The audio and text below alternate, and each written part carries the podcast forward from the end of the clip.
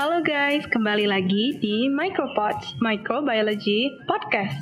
Hai guys, kenalin aku Yomita Dan aku Syahrul. Kami yang akan menemani kalian di sepanjang segmen Yokyo no Ichibu yang akan membahas informasi seputar dunia hiburan. Mungkin kalian masih asing dengan suara kita berdua ya. Tapi mulai episode ini kita akan menjadi salah satu podcaster yang akan menemani kalian semua. Jadi podcast pertama kita mau bahas apa nih, Ro? Podcast kali ini dan spesial banget tentunya nih Yom. Kita mau ngebedah lagu dari penyanyi favorit aku Yom. Siapa tuh? Siapa lagi kalau bukan the one and only Tay Tay Blondie aka Taylor Swift. Wow, menarik sih. By the way, lagu Taylor Swift kan banyak banget ya. Ada yang tentang romance, struggles in life, dan lain-lain. Jadi kita mau ngebahas lagu yang mana nih, Ru? Coba tebak dulu deh. Aku kasih clue ya. Lagu ini ada di album Speak Now yang rilis di tahun 2010. Hmm, kasih clue lain dong. Ya udah, aku nyanyiin dikit ya. Someday I'll be living in a big old city. Oh, aku tahu, aku tahu, aku tahu. Judulnya Min ya. Nah, iya bener banget Yom. Kalau boleh tahu nih, kenapa sih kamu milih lagu Min dari sekian banyak lagu spesial dari Taylor? Jadi gini Yom, fun fact, aku pernah baca kalau di balik lagu ini ada cerita tentang masa lalu Taylor yang pernah diremehkan dalam perjalanannya sebagai penyanyi. Hal ini tuh bisa dilihat dari lirik lagu pada setiap bagian verse. Oh, I see. Contohnya ini ada di bait paling pertama lagu ya? Nah iya, padahal baru mulai loh. Oh iya ya. Jadi ini aku bacain ya bait pertama lagunya tuh. Um, you with your words like knives and swords and weapons that you use against me. You have knocked me off my feet again, got me feeling like a nothing. You with your voice like nails on a chalkboard, calling me out when I'm wounded. You speaking on the weaker man. Tuh kan, dari lirik itu aja, Taylor secara jelas dan gamblang nyanyiin sesuatu yang berkaitan dengan perundungan alias bully. Iya ya, mana di bait-bait selanjutnya juga tentang bullying semua. Kayaknya lagu ini tuh full tentang sudut pandang orang yang dibully deh. Sebenarnya enggak juga Yom, masih ada hal yang lebih ngena dan bikin lagu ini spesial. Apaan tuh? Coba deh kamu baca lirik di bagian refnya. Oke, aku baca ya. Ini kayaknya bisa sambil nyanyiin deh. Someday I'll be living in a big old city And all you're ever gonna be is me. Someday I'll be big enough so you can't hit me. And all you're ever gonna be is me.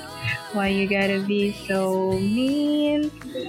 Nah, di bagian yang kamu nyanyiin tuh, Taylor menekanin bagaimana dia bangkit dari semua head uh, dan orang-orang lain itu menjadi hal kecil yang gak berharga. Oh, bener juga tuh. Apalagi di bagian yang Someday I'll be big enough so you can't hit me. Yang itu loh, ngena banget. Iya Yom, sebenarnya aku lebih mau nekanin di bagian positifnya sih.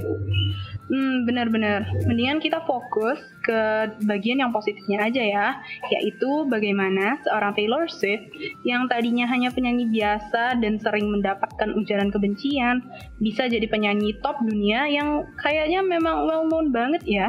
Bukan kayaknya lagi sih Om, tapi emang well known. Oke, oke, siap salah Pak. Eh, aku mau cerita dong. Aku ada pengalaman yang menurut aku lumayan relate nih sama lagu ini. Boleh, boleh Om, cerita aja nggak apa-apa. Oke, aku cerita. Jadi, nih, pas aku kelas 12 kan hektik banget ya persiapan ujian-ujian, terutama SBMPTN toh. Terus aku tuh sempat bingung mau ngambil jurusan apa. Karena aku tertarik ke jurusan yang ada di Soshum dan ada di Saintek juga. Akhirnya ya udah deh, aku diskusi panjang nih sama orang tua. Dan pilihan akhirnya aku milih ngambil SBMPTN campuran. Dan tujuan kampus yang aku pilih itu top university semua. Nah, setelah tahu ini nih, teman-temanku tuh pada kayak uh, exaggerate banget ya.